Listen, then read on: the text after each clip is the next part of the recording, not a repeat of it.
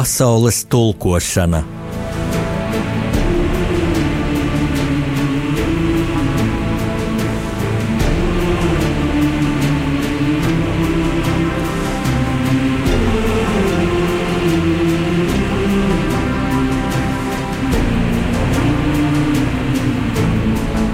Studijā rakstnieks Jānis Udris.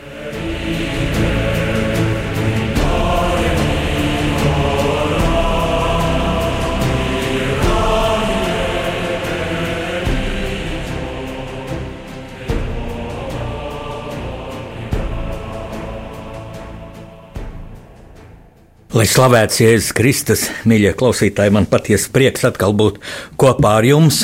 Kaut gan tūdaļ nāk prātā šaubas vai vārds prieks šodien ir īsti vietā. Nu, šodien vēl jā, bet parīt mūsu zemē atkal plīvos sēru karogi. Būs komunistiskā genocīda upuru piemiņas diena, kā ir gadu 25. martā datums, kur jāatceras, par kuru ir jādomā, no kura ir jāmācās. Tātad, kas mūsu zemē notika 1945. 49. gada 25. martā? Tas pats, kas mūsu kaimiņu valstīs, Igaunijā un Lietuvā, visas mūsu zemes bija okupētas, jau otrais okupētas. Uh, notika masveida deportācija vienā naktī. Mm, milzīga Maskavā valsts drošības ministrijā sagatavota akcija, kam bija dots tāds kodēts nosaukums Krasta Banga. Mm, no Latvijas 49. gada 25. martā izsūtīja 42,149 cilvēkus. Tā bija jau otrā lielā masveida deportācija Baltijas valstīs un no Latvijas. E, tātad 49. gada martā izsūtīja gandrīz trīsreiz vairāk cilvēkus kā 1941. gada 14. jūnijā. 42 tūkstošus cilvēku, tās bija vairāk kā 13 tūkstoši ģimenes. Šos cilvēkus izsūtīja 31. ešalonā, Un ļoti zīmīgi, arī traģiski ir tas, ka no Latvijas deportēto cilvēku skaits veidoja gandrīz pusi no visu trīs Baltijas valstu deportāciju upuru kopskaitu. Lūk, no Igaunijas deportēja uh, nepilni 21,000 cilvēku. Igaunija arī ir mazāka, arī tolaik bija mazāka iedzīvotāju skaita ziņā, arī ter teritorijas ziņā mm, mazāka par Latviju. Uh, bet no Lietuvas deportēja nepilns 32 tūkstoši cilvēku. No Lietuva apmēram pusotreiz lielāka par Latviju tolaik bija.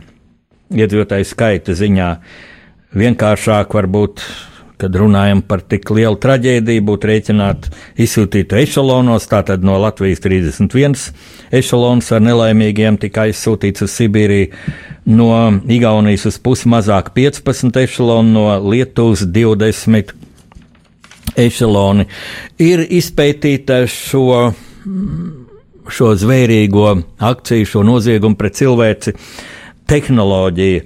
Latvijā tika iesūtīti papildus 4,5 tūkstoši mm, PSRS iekšlietu karaspēka karavīru, uh, taču mm, šajās mm, represijās, šajā noziegumā bija liela loma ierādīta arī vietējiem mm, varas vīriem, mm, pagastu partorgiem, pagastu izpildu komiteju priekšsēdētājiem, kuri jau 49. gada sākumā sastādīja izsūtāmo personu sarakstus un katra, uz katru, mm, katras izsūtāmās personas māju mm, devās deviņu cilvēku grupa, ko vadīja viens eh, iekšlietu ministrijas vai valsts drošības ministrijas virsnieks.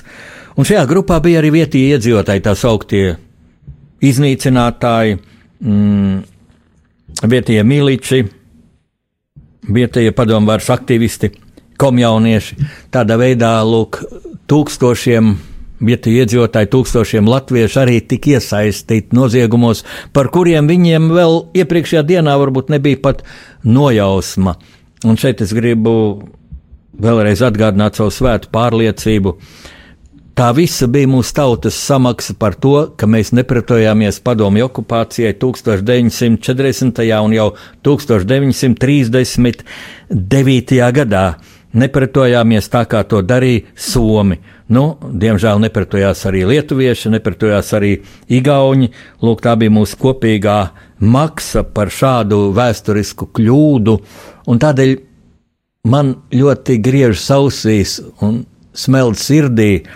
Joprojām ļoti izplatītais viedoklis, ka 40. gadā bija pareiza Kārļa Ulmaņa politika, ka mēs nevarējām pretoties jo padomju armijai bija milzīgs pārspēks, un mūsu bruņoties spēki būtu nesuši ļoti liels zaudējums. Jā, tas ir pareizi, zaudējumi būtu milzīgi, taču upuru skaits um, bez pretošanās bija vēl lielāks, un pie upuriem arī jāpieskaita šie vairāk kā 40 tūkstoši deportēto cilvēku, jo uh, tas bija daudz vairāk kā 40 tūkstoši sakropļotas dzīves.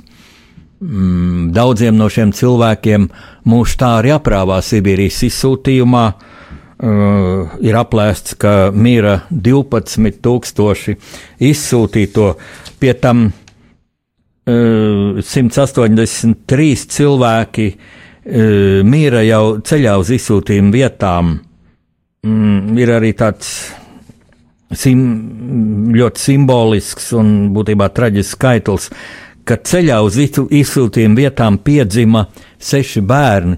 Tātad šis staļiniskais režīms, staļiniskais terrors nežēloja arī grūtnieces. Nu, un, un uh, pavisam tātad izsūtījumā gāja bojā 4941 persona. Te jāteic arī, ka izsūtīto latviešu skaitam vēl piepulcējās izsūtīto cilvēku tuvinieki daudzos gadījumos, kas uh, gribēja apvienoties ar saviem mīļajiem un brīvprātīgi devās uz Sibīriju. Uh, salīdzinot abas deportācijas, 41. gadu un 49. gadu, jāteic, ka šajā otrajā lielākajā deportācijā padomi režīms nu, varbūt grūti pat atrast necilvēcīgai rīcībai kādu tādu pozitīvu apzīmējumu, bet nu, varbūt. Ja tā būtu teikt, rīkojās mazāk zvērīgi kā 41. gadā. Jo, lūk, pirmajā deportācijā, kas mūsu zemē, mūsu demokrātijas apstākļos augušajai latviešu paudzei, nāca pilnīgi negaidīti, pilnīgi šoks. Uh, viens briesmīgs aspekts bija tas, ka mm, deportējumos cilvēks izšķīra, atšķīra vīriešus no sievietēm, vīrus no sievām, mātes no bērniem. Tas nenotika 49. gadā, kad deportējamie tika mm, kopīgi ielādēti vagonos, un arī pēc tam, pēc vairāku nedēļu ļoti smaga, necilvēcīga ceļa, kurā tad, tad neviens vien nomira. Uh, izsūtījuma vietās tika ko, kopīgi nogādāti kolhozos, solhozos.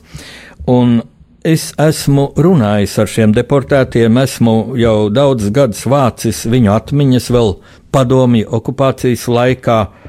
Jau tad, kad tas bija aizliegts, un tad jau atmodas laikā par to sāk runāt ar vien skaļāk, es alāž centos šo, šo klusēšanas mūri laust, sakot, tik, cik bija iespējams, un vēl, vēl, vēl kaut ko pateikt, bieži vien lietojot tā saucamo ezopu valodu, runājot simbolu valodā starp mm, rindām, kā tas okupētās zemēs mm, bieži tiek uh, praktizēts. Man daudz uh, palīdzēja izprast šo deportāciju tehnoloģiju. Mana neredz drauga, tagad jau mūžībā aizgājušā tāļa zālīša dzīves stāsts. Viņš bija pavisam jauns puisis 49. gadā, eh, kad eh, izsūtīja nevis viņu pašu, bet viņa mīļoto meiteni. Tā bija tāda skaista jaunības mīlestība. Un tālis redzēja, kā šo meiteni ar ģimeni um, iesēdina ratos, lai aizvestu uz staciju, kur jau gaidīja mm, lopu vagoni. Uh, tāls pats pēc gada aizgāja dienēt sarkanajā armijā, jo bija pienācis iesaukšanas vecums. Interesanti, viņš kā latviečs, viņš bija priekšzīmīgs karavīrs, uzkalpojās tur līdz seržanta pakāpei. Un viņš ticēja, ka ar drošu dušu ir iespējams panākt taisnīgumu, un rakstīja PSRS augstākajiem varas vīriem vēstules, ka lūk, šī meitene ir izsūtīta netaisnīgi. Nu, viņa tad vienreiz atnāca uz skolu uh, vietējais milicis, izsauca viņu ārā no klases un lika izlasīt oficiālu atbildi kas bija pienākusi no Kremļa augstākajiem vadītājiem, negluži no paša Staļina, uh, parakstīties par izlasīšanu, un tur bija rakstīts, ka izsūtīt ir pareizi un ka nekas netiks grozīts. Uh, un tad, uh, kad viņš teica, kā tā var būt, tā, tas nav taisnīgi, nu, tad atbilde bija, vai tu arī gribi tur nokļūt. un tāls zālīts savā jaunības maksimālismā teica, jā, kāpēc gan nē? Un kad beidzās kara dienests, viņš aizbrauca uz Omskas apgabalu, kur bija izsūtīta šī ģimene kopā ar tūkstošiem citu latviešu, aizgāja pie šī apgabala komendanta un tur klāstīja savu viedokli, ka lūk, šī ģimene ir netaisnīgi izsūtīta. Un tad komendants teica, tu arī gribi šeit palikt. Un atkal bija atbildi, jā, kāpēc gan ne? Un tālāk zālīts mm, arī palika Sibīrijā, kur apprecējās ar savu, uh, savu mīļoto sievieti, Āriju, kura tur mācījās par skolotāju, audzināja bērnus. Viņiem piedzima viena vecākā meita Sibīrijā.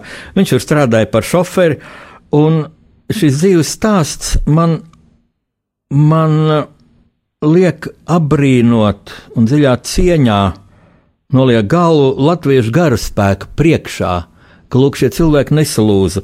Un ļoti interesanti bija šīs ārijas stāsti, jau vēstules, ko viņi bija sūtījusi no Sibīrijas izsūtījuma. Viņš šīs vēstules iesāka ar vārdiem sveiciens no Sibīrijas.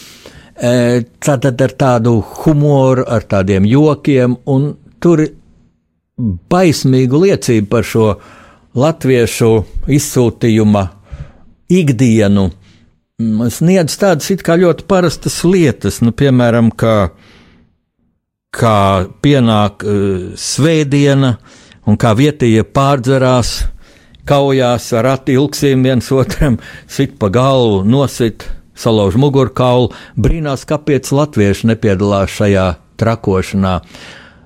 Un ļoti zīmīga epizode, ka latvieši tur ļoti ātri iemantoja cieņu, dzīvojot, nu, Nu, runāt par brīvību. Viņi nebija cietumā, viņi nebija koncentrācijas nometnē, bet viņi nedrīkstēja izbraukt no attiecīgā ciema, no attiecīgā rajona. Viņiem regulāri bija jāatzīmējas, ka viņi tur atrodas uz vietas. Un, eh, Ļoti baismīga detaļa bija tāda, ka lūk, viņi no dzelzceļa stācijas tika aizvesti uz kādu to sadalījuma punktu, ieslēgta lielā šķūnī, un tad viņiem Viņiem nedod ēst.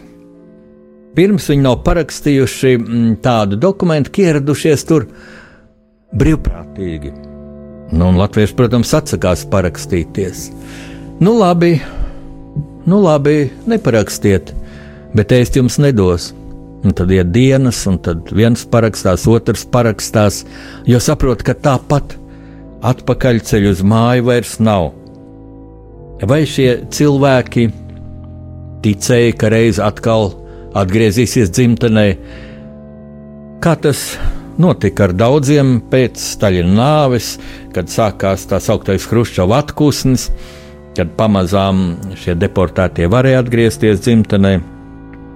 Atgriezās ar, ar bērniem, kas bija piedzimuši Sibīrijas izsūtījumā, nu, piemēram, mūsu izcilā dzinieca Māra Zālīte ir dzimusi Eh, Sibīrijas izsūtījumā. Vēl neviens vien mūsu eh, kultūras darbinieks. Abrīnojams bija šis deportēto garaspēks, un noteikti kristiešiem ļoti palīdzēja viņu ticība dievam, un dievs viņus sargāja.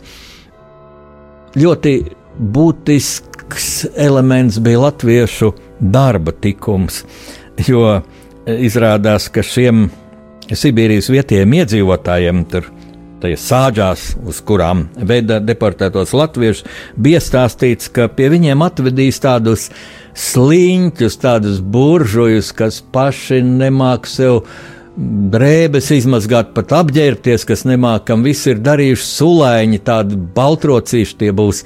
Un ka šie cilvēki vesti ar kamanām, vesti iekšā sāģā, Tad puikas bija sakāpuši kokos, un svilpa, un bļāva, un dažādi ņirgājās.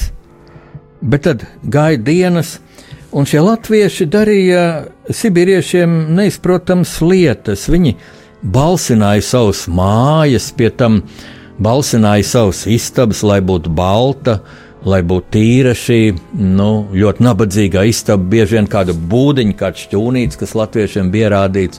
Tad vēl pieaugt skaļķiem Eh, kādu sarkano vai, vai, vai, vai dzelteno toni, lai māja izskatītos tāda mazliet mākslinieciski, skaistāka. Pienāk pavasaris, latvieši stāda puķis pie logiem. Tādas pašas, ko var atrast, pļāvās nes mājā, stāda.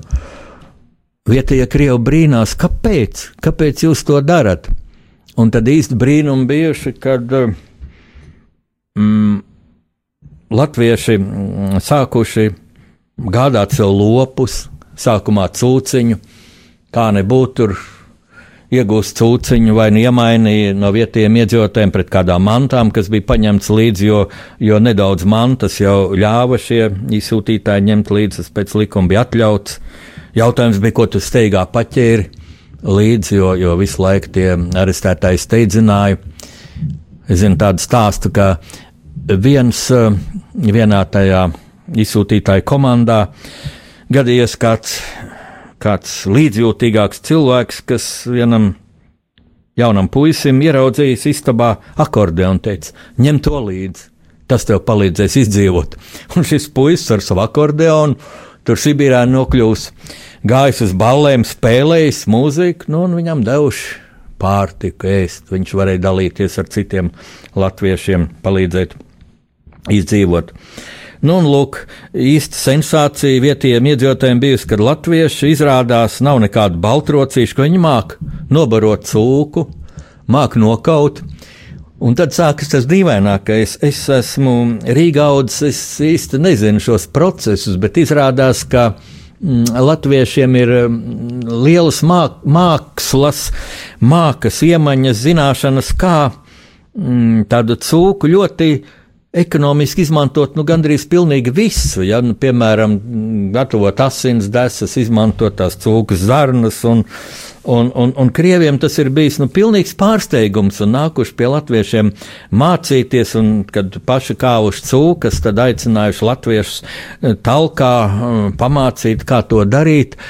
Uh, ir tāds, tāds gadījums arī ļoti konkrēts, ka latviešu vīri uh, Tikai ar cirvi izcirtuši guļbaļķu māju un tik skaistu, ka pēc tam, kad viņus atlaida no Sibīrijas, varēja braukt uz Latviju, tad vietējie iedzīvotāji strīdējušies, e, kam latvieši šo, šo namu pārdos, jo šī māja bija tik skaista, tik kvalitatīva.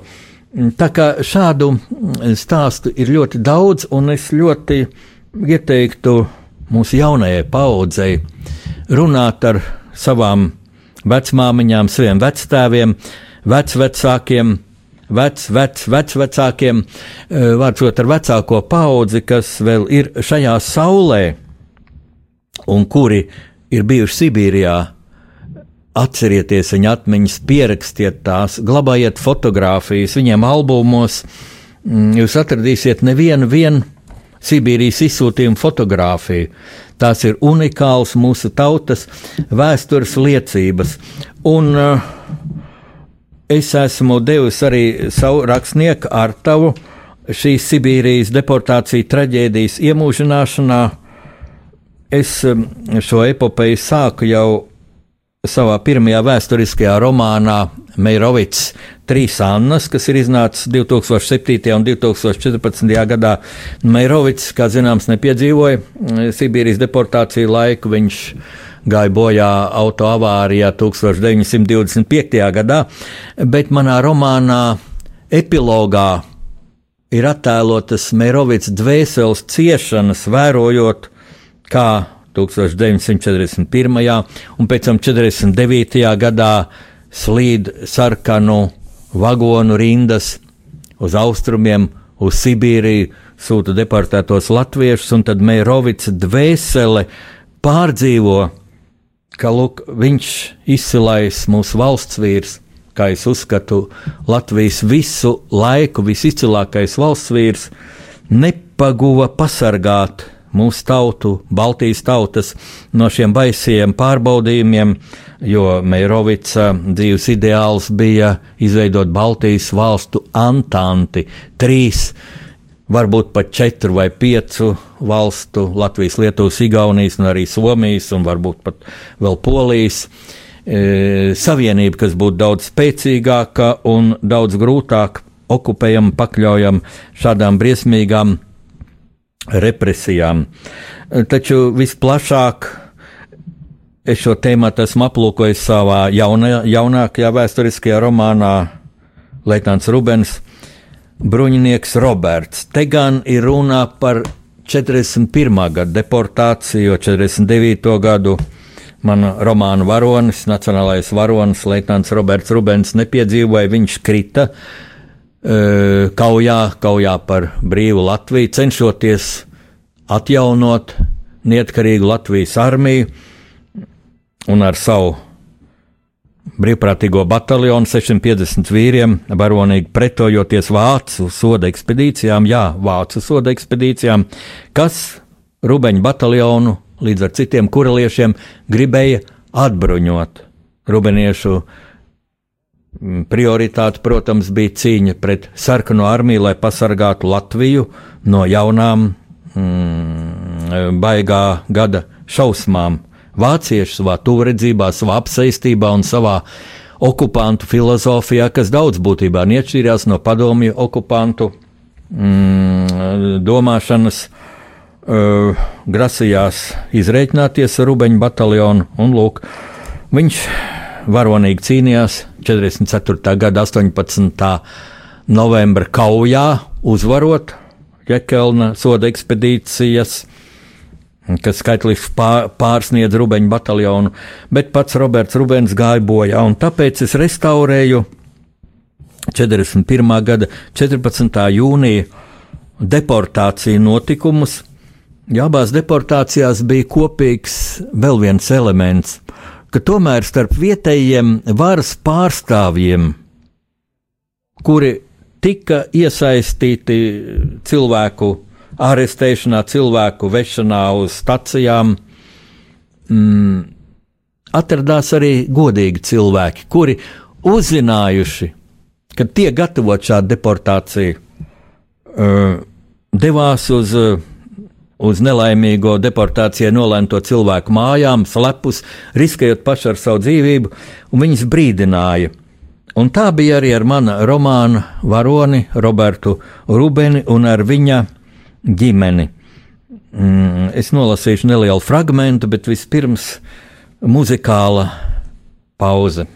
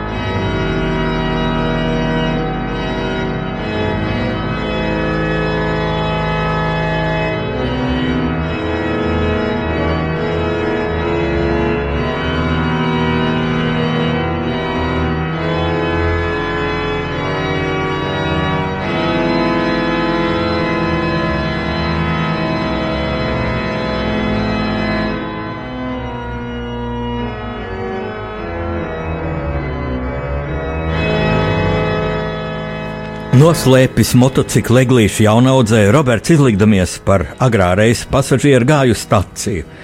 Aizvien skaļākas kļuva cilvēku balsis, skanēja bērnu raudas, sieviešu izmisuma kliedzieni, militāras pavēles un rupjas lamas krievu valodā.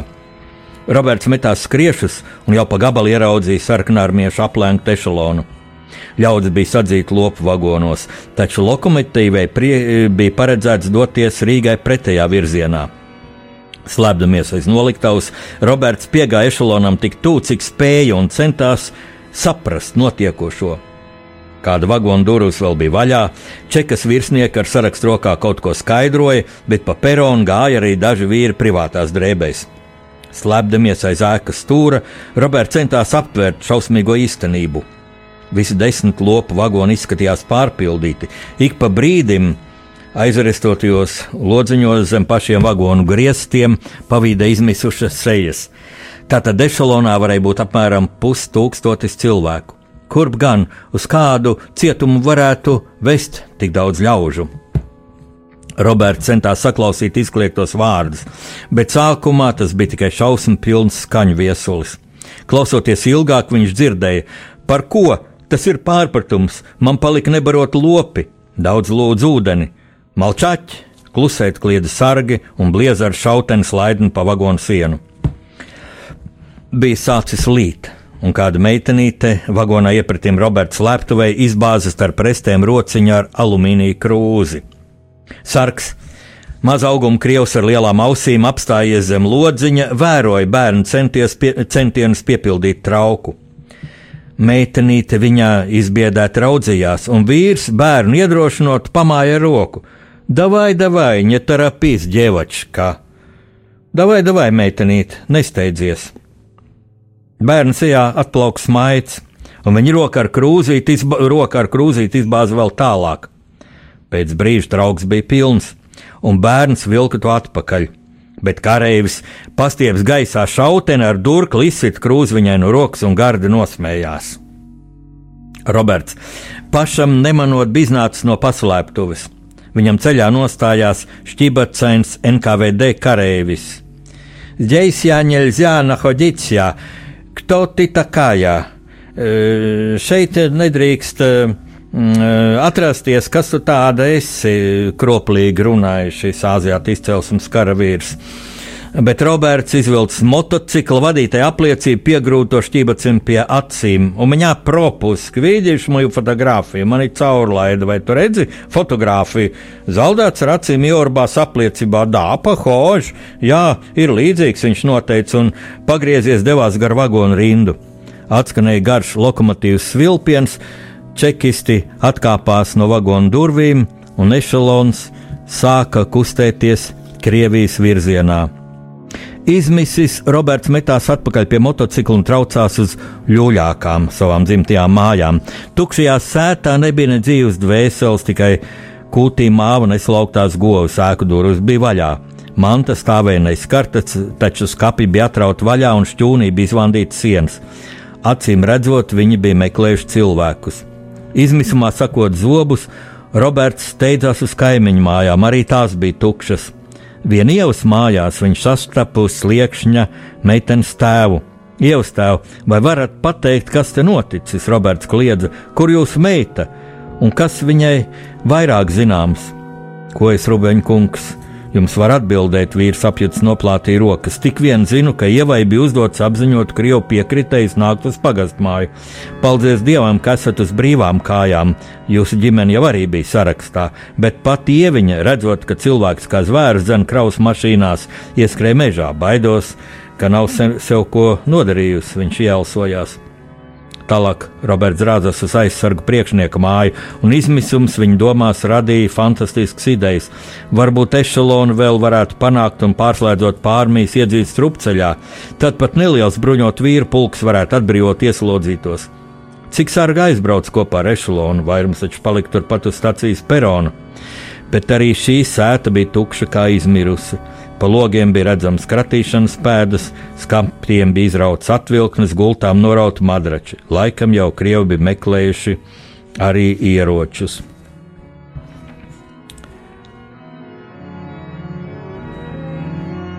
tālāk, kad jūs lasīsiet man romānu, es ļoti ceru, ka jūs īpaši iedziļināsieties Roberta sarunā ar brāli Jāni, kurš brīvās Latvijas laikā bija pagastu vecākais, tas ir vēsturisks fakts. Un kā abi šie vīrieši analizē variantus, kas būtu darāms, ko varēja darīt, ko varēja darīt, ja laikus būtu zināms par šīm deportācijām. Mm. Un varianti ir ļoti daudz, raidījuma ietvaros es to nevaru izstāstīt. Galvenais ir būt gataviem smagiem pārbaudījumiem, smagiem notikumiem. Tagad atkal muzikāla pauze, un tad es pastāstīšu kādu ļoti zīmīgu ar 41. gada deportāciju saistītu epizodi no Zigfrīda Annas Meirovica dzimtas vēstures.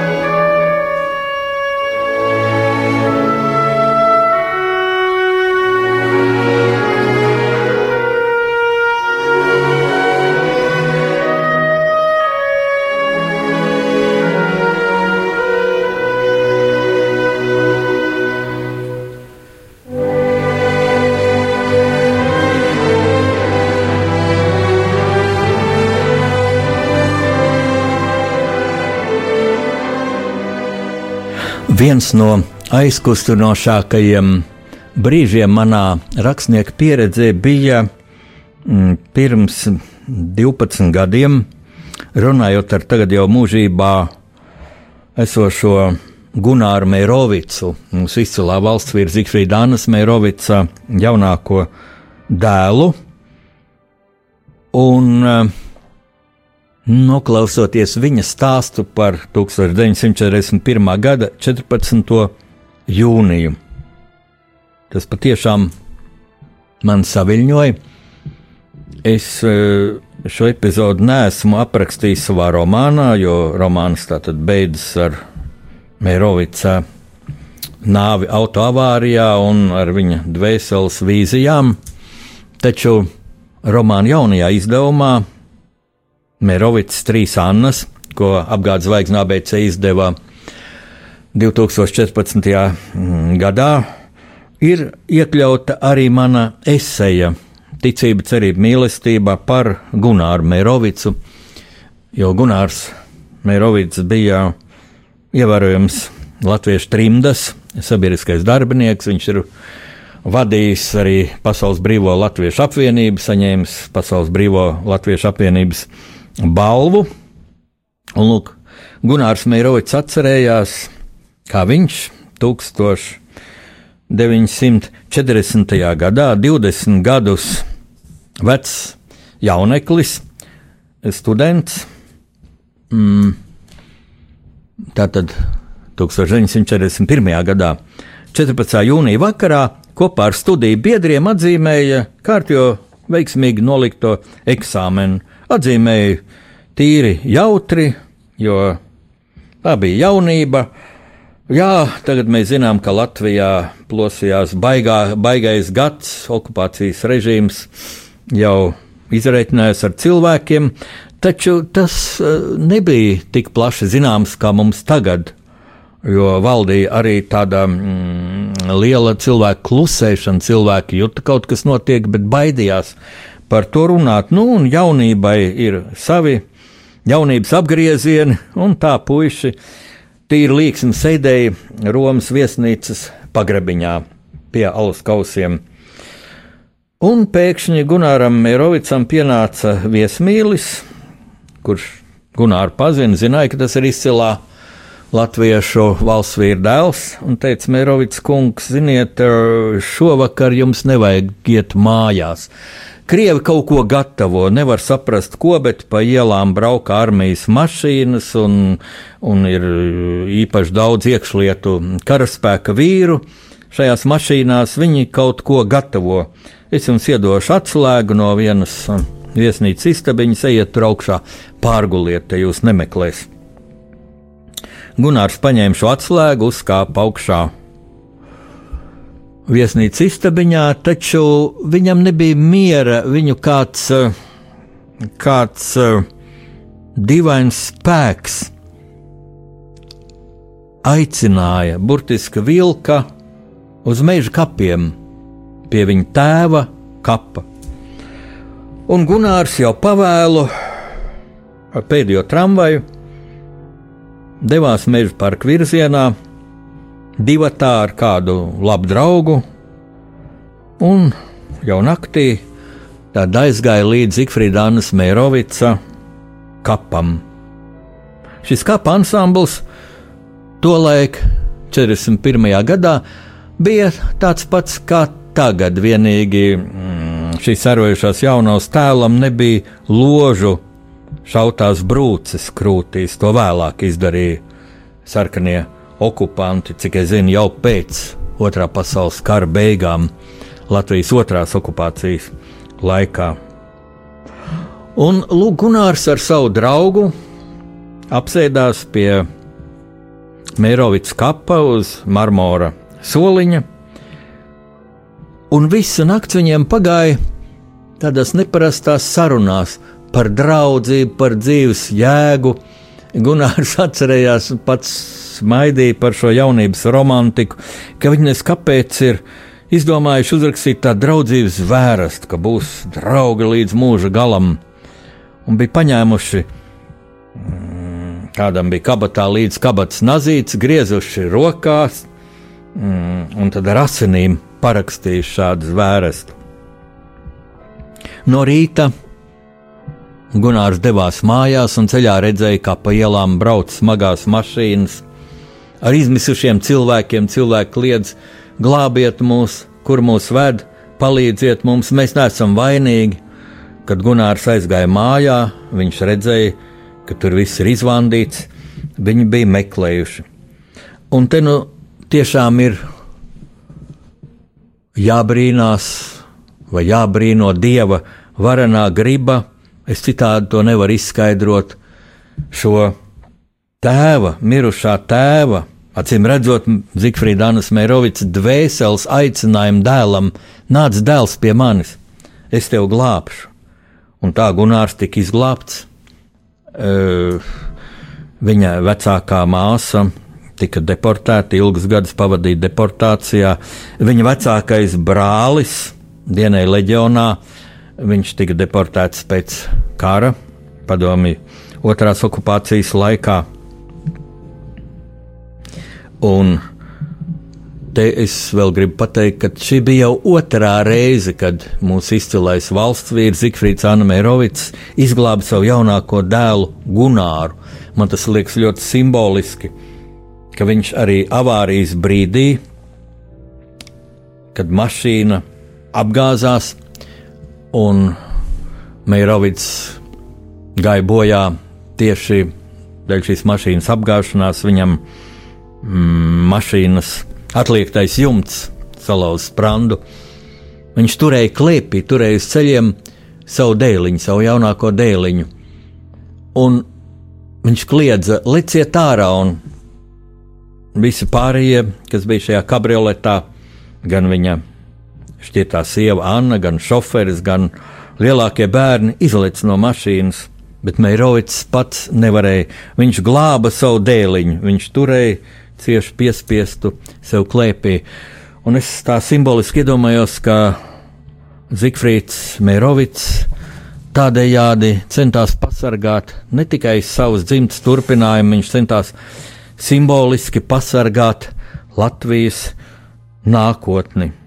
Un domājot par šiem deportāciju upuriem, par tūkstošiem mūsu tautas brāļu, kas izcieta Sibīrijas izsūtījumu, kas krita divās okupantu armijās. Tie ir tūkstošiem un tūkstošiem un tūkstošiem nevainīgu upuru. Es gribu bez lielas patētikas pateikt tādu pavisam elementāru, elementāru savu pārliecību, ka mums ir jābūt pateicīgiem šiem cilvēkiem par viņu upuri, un mums ir tieši uz šīs pateicības jābalsta savu vērtību sistēmu, sava attieksme pret Latviju. Nevelties savu jaunāko romānu, Leitnants Rubens Bruģnieks Roberts esmu nosaucis arī vēsturisks romāns par nācijas sirdsapziņu. Jo ja mēs, ja mēs joprojām runājot par otrā pasaules kara vēsturi, dalām latviešus pareizajos un nepareizajos, un spriežam, kura okupanta armija bija pareizāka, kura nepareizāka. Un ja mēs joprojām diskutējam, vai 1940. gadā vajadzēja aizstāvēt Latviju, tad manā pārliecībā mūsu mm, sirdsapziņa ir apmaldījusies, apmaldījusies mūsu sarežģītās vēstures līkločos, un mums ir jācenšas tomēr rast saskaņu ar savu sirdsapziņu. Es domāju, tieši šeit slēpjas mūsu nesakārtotajā, mūsu pārautajā vēsturiskajā atmiņā, slēpjas arī mūsu daudz mūsu politiķu šodienas cinisms pret savu valsti, sautīgums, korupcija, negodīgums. Tādas vātis, ar kurām mums ir jātiek galā, pagājušajā nedēļā, 16. martā, kad kārtējo reizi Latvijā tika atzīmēta leģionāru diena, mm, par kuru es esmu jau runājis, esmu paudis savu viedokli, negribu atkārtoties, bet man ļoti pārsteidz tas, ka praktiski netika pieminēts cits datums - 17. marts, burtiski vienu dienu vēlāk notikušais izcilais vēstures fakts, kad Latvijas centrālā padome 1944. gadā, tajā pašā gadā, kad 16. martā notika šīs um, divu Latviešu leģionu divīziju kaujas pie Veļīkais upes Krievijā, kad Latvijas centrālā padome izdeva savu memorandu, kurā mūsu izcilākie gara darbinieki, gandrīz 200 cilvēki, apbrīnojamā drosmē pauda vācu okupācijas varai skarbu patiesību, ka jūs rīkojaties Latvijā kā okupanti. Kāpēc jūs neļaujat latviešiem atjaunot savu nacionālo valsti? Kāpēc jūs latviešiem neļaujat veidot savu armiju, kas varonīgi cīnītos pret sarkaniem okupantiem? Lūk, šis fakts, ka mēs samērā plaši atzīmējam 16. martu leģionāru dienu, Un tik dzīvi, tik dedzīgi diskutējam par to, vai to vajag atzīmēt, vai nevajag atzīmēt, kādā veidā vajag atzīmēt. Diskutējam daudzos gadījumos par prieku mūsu pretiniekiem, gan lielajā kaimiņu valstī, gan mūsu bieži vien tik vienaldzīgo sabiedroto valstīs, kuriem pietiek Pietiek uh, izlasīt kādus Krievijas ziņu aģentūras paziņojumu vai Krievijas ārlietu ministrijas protestu pret šo leģionāru dienu, un, un viņiem rodas šī dziļā neizpratne, kā var godināt uh, uh, karavīrus, kas cīnījās Vācu armijā, jo Vācu armija taču bija amerikāņu, angļu, franču uh, pretinieci otrajā pasaules karā, un tad mēs sakām, mēs viņiem skaidrojam, nu ko tas dod, ja mēs gadu no gada tur dažiem desmitiem ārzemnieku, kur sastopam, izskaidrojam to, un pat ja mēs prastu to izskaidrot daudzos gadījumos, mēs to nemaz tā arī neprotam.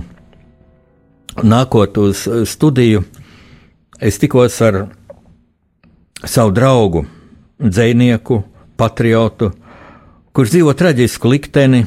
Viņš ir paralizēts, viņš jau divus gadu desmitus savu dzīvi vada ratiņkrēslā, bet joprojām vada firmu, gādā, lai cilvēkam būtu darbs, lai valstī būtu nodokļi, Viņš ļoti pārdzīvo to, kas notiek mūsu zemē, ka mums šai brīnišķīgajai zemē, skaistākajai zemē pasaulē, tā ir mana pārliecība. Esmu bijis 70 valstīs, otrā tāda valsts, neesmu redzējis tādu zemi, neesmu redzējis tādu tautu, neesmu redzējis. Un ka lietas tomēr iet tik lēni, ka mēs tik ļoti klūpam, ka mūsu gaita uz priekšu ir tik nelīdzena un bieži vien tik līkumaina un negodīga. Es gribu beigt savu rakstnieku pārunu stundu šodien ar manu draugu Jāņa Zepa dzējoli dzimtene mana. Dzimtene mana, zaļi meži, zeltaini lauki, brūni lielceļi, cik tas viss jauki. Kur palicis ganiņš? Ganiņš kur, redzu klājiens, zilu rudspuķi tur, kur gotiņa brūnā, kas mežmalā bija, un cēlēnbārs, kas pagalm bija. Nu redzu tos tālumā, modīgā kūtī, tie lielo pasauli redz caur loga rūti. Un olas birst kā līst piena litri, to kādreiz filmās rādīja titros. Un viensēt mana, kur mana māja tagad pārmelns asfalts klāja. Bet tā tam nu jābūt Tā šodien ir. Un mierīgi krūtīs cilājas sirds. Par pilsētām nē, tur miljardus zog, tas manai tautai, Latvijai, sloks. Un ļaudis tik klusi, ka baigi kļūst. Tā augstumā lēnām āboli pūst. Un daudziem saule nebūs redzēt lemts.